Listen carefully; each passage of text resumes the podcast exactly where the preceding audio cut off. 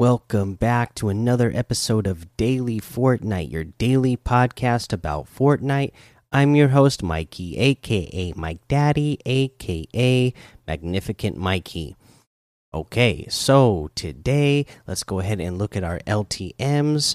Uh, we have Shockwave Trios, Unvaulted Squads, Zone Wars Water Park and Pro 100 as community creations. Team Rumble Solid Gold is still here as well. So, uh, some new stuff in the rotation for LTMs. Go check those out. Uh, you know, Shockwave and Unvaulted are both pretty fun game modes. So, definitely check them out. Uh, now, uh, let's go ahead and get to some uh, actual news. There's a couple of things to get to. So, first up, let's talk about this awesome uh, legend that we got coming to the Fortnite crew. A legend enters, Llambro arrives in Fortnite crew. Uh, let's see here. Puffed up and prismatic, a stylish new figure makes their Fortnite crew appearance. Headlining the March 2021 crew pack is the Horned Llama Llambro, legendary in both being and attire going live for active Fortnite crew members at approximately 7 p.m. Eastern on February 28th. The March crew pack includes the Llambro outfit, the sporty but elegant up north back bling, the inflatably tailored puffcorn pick pickaxe, and the abundant in color, the legend wrap. Uh, if you're looking at YouTube, you'll see the little preview picture that they have here. Everything looks pretty awesome more Fortnite crew benefits, season six battle pass, monthly V Bucks, and the February February crew pack. So the crew pack is only one benefit for Fortnite crew members. Subscribers always have instant access to the current season's battle pass, which means active subscribers during the launch of Chapter 2 Season 6 will automatically get that season's battle pass at no additional cost. Also, active subscribers receive 1,000 V Bucks every month on the day of their billing date. Llambro may be the star of March's crew pack, but players also interested in the Fox Clan Warrior V star of the February crew pack need not worry.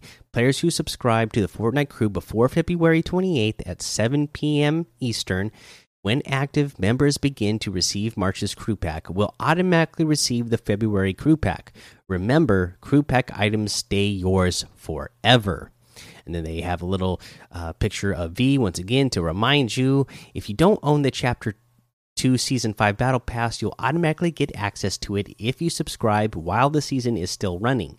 If you do own it already, a one time 950 V bucks uh, return will be applied to your account. The same will apply to the Chapter 2 Season 6 Battle Pass.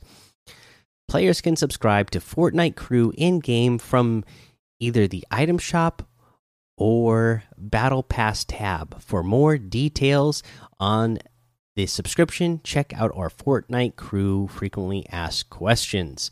And then they got uh, some of the stuff about signing up at the bottom here, but we're not going to read that. So let's get to our next piece of news, and this has to do with I guess there's a pending uh, class action lawsuit. So let's go over what they have to say about that. Fortnite Save the World Loot Llama purchases to receive 1,000 V Bucks. We used to offer random item loot llamas in Fortnite Save the World, which was an in game purchase option where you wouldn't know what you were getting. While some of you enjoyed purchasing random item loot llamas and being surprised by the content unlocked, others were disappointed. So we decided a better experience for players was to be upfront and outline the details of in game purchases through the item shop with the new X ray llamas. Whether you were a fan of random item loot llamas or not, with preliminary approval for a class action settlement, we're awarding a thousand V bucks to anyone that purchased a random loot llama. While this settlement was for U.S. players only, we have decided to make this benefit available to players globally. There's no action needed on your part, and you should receive your V bucks within the next few days. Purchase an event crate or key that was used to open a crate in Rocket League. Expect to receive a thousand Rocket League credits. Questions here.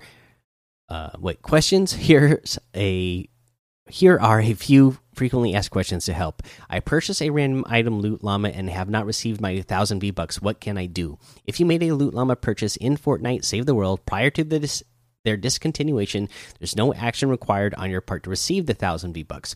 All players who are meant to receive this will see their V bucks in their account over the next few days. Will I receive more V Bucks if I purchase more than one Loot Llama in Fortnite Save the World? No, you will only receive one grant of 1,000 V Bucks. Will I receive 1,000 V Bucks if I purchase an X Ray Llama? No. X Ray Llamas display their included contents and therefore are not part of the settlement, which is for random item loot boxes. Where can I learn more about the class action settlement and further options? To learn more about the class action settlement and other benefits available to those meeting specific criteria, visit www.epiclootboxsettlement.com. I haven't visited the my site myself, uh, but uh, you can go visit it if you want to and see what all the details are. Uh, for me, all you really need to uh, know, or I need to know, is that I should be getting a thousand V bucks for the random loot llamas uh, purchased in the past. Uh, which uh, will be nice. I wasn't expecting that. You know, I've played so many games over the years where you get random loot boxes. You know, so many different. I so many different sporting games, different. Uh, you know, character hero games where you you buy loot boxes and you don't know exactly what you're going to get inside what cosmetics or what other random accessories you're going to get so i was just always kind of used to that uh, you know I, I, know over the years it's become you know they've you know uh, people have been making a bigger and bigger issue over it so it sounds like that's kind of what this is coming from uh, but let's go ahead and talk about a challenge tip. Uh, let's see here in today's challenge tip. Let's talk about the challenge where you need to find a family portrait from a shipwreck. Uh, you only need to find one, uh, but there's two places that there are shipwrecks where you can find a portrait. It looks like so. Uh, one is on the west side in that little uh, cove area that is directly west of Sweaty Sands on that beach. Uh, you you'll be able to find one there, and then the other one is on the east side of uh, the map, southeast side, uh, east of Catty Corner. There's also a small little cove in there where there's a, a shipwreck right in the middle of that little cove that you can uh, you know search there as well. So those are the two places that you can go to get that done. Uh, since we went over the challenge ship, let's head on over to the item shop. In the item shop today, let's take a look. Yeah, we still have the Flash bundle in here. We still have the Street Fighter bundle in here. Uh, we have the Shogun outfit with the bladed wings back bling for 2,000 V bucks today. Uh, the Nightbeam outfit with the Lumicore Red back bling for 1,500. You have the Recon Ranger outfit for 800. The Hardy Hearts wrap for 500. The Full Tilt emote for 500. The uh, Raise the Roof emote for 200 the oh you know what? I thought that hardy hearts wrap looked new and it it is indeed a new wrap i do like it. Uh pink and white some looks like some strawberries floating around in it. Or are those or is that supposed to be blood cells? I don't know.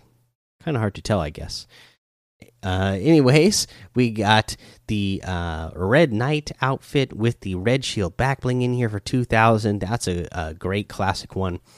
Uh, the Crimson Axe Harvesting Tool for 800, the Triggerfish outfit with the Coral Commandos backbling for 1,200. I love that guy. The Bubble Flage wrap for 500, the Gut Bomb outfit with the Takeout backbling for 1,500, the Hot House outfit with the Tom Com backbling for 1,500, the Grill Count Harvesting Tool for 800, the Rusty Roller Harvesting Tool for 800, and uh, we have a new bundle, the Sica bundle or Sica bundle. Not sure exactly how you're supposed to say it. I'm going to say Sica. So this comes with the Sica outfit, the new Sica outfit, the arena's next champion, part of the Vanquisher set. Uh, has a couple of styles. The default style, she's got, you know, this is the uh, female gladiator uh, of this season, and uh, the default style has the mask on, or you can wear it with no mask. Uh, both versions look pretty awesome to me. I I love that uh, this is. She definitely looks like she can kick some butt, and I love this character for that. Uh, we have the Arena Elite back bling in this bundle. One in battle, worn with pride. So this back bling is a shield with a with an axe and arrows. Uh, oops. Uh, the Arena's blessing harvesting tool. Some things can only be one, and this is like a double sided axe, which looks really cool. Uh, and then the Cerberus glider rise from the underworld, and this thing is awesome. So it's uh, you know a Cerberus three headed dog, uh, and it's like makes it look like it's like pulling a chariot. Uh, and the the Cerberus itself, the dogs, they are purple like the storm would be, or like the uh you know the crystals would be or like kevin the cube would look. So looks really really awesome. I love the uh i love the aesthetic of this glider like so much. This is like this is awesome. Uh this so this bundle this four item bundle is 2100 that's a 1400 uh, V Bucks off if you got this bundle with everything together. If you want to get them individually, the Sica outfit with the arena back bling is 1200. The Arena's Blessing Harvesting Tool is 800. The Cerberus Glider is 1,500. And again, looks absolutely awesome.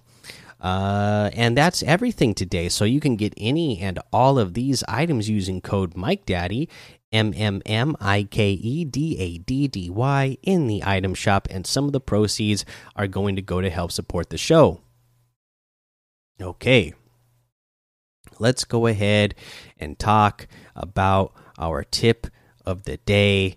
And in today's tip, I wanted to talk a little bit more once again about uh, the whole uh, new console thing that we go we got going on. Really, now that I uh, actually sat down and had some time to play uh, today, uh, you really have to like look at the settings that you had on your previous console and make sure that you go in and change everything on the new console. I I'm noticing uh, when I started playing there was a bunch of things that were changed. Okay, I thought it was just a couple of things, but it was actually a lot. Like from everything from like the dead zone of the sticks uh, being uh, reset to the default, which was horrible and if you don't know, you want to have your if you're playing controller and you're on console, you want to have that denzo, dead zone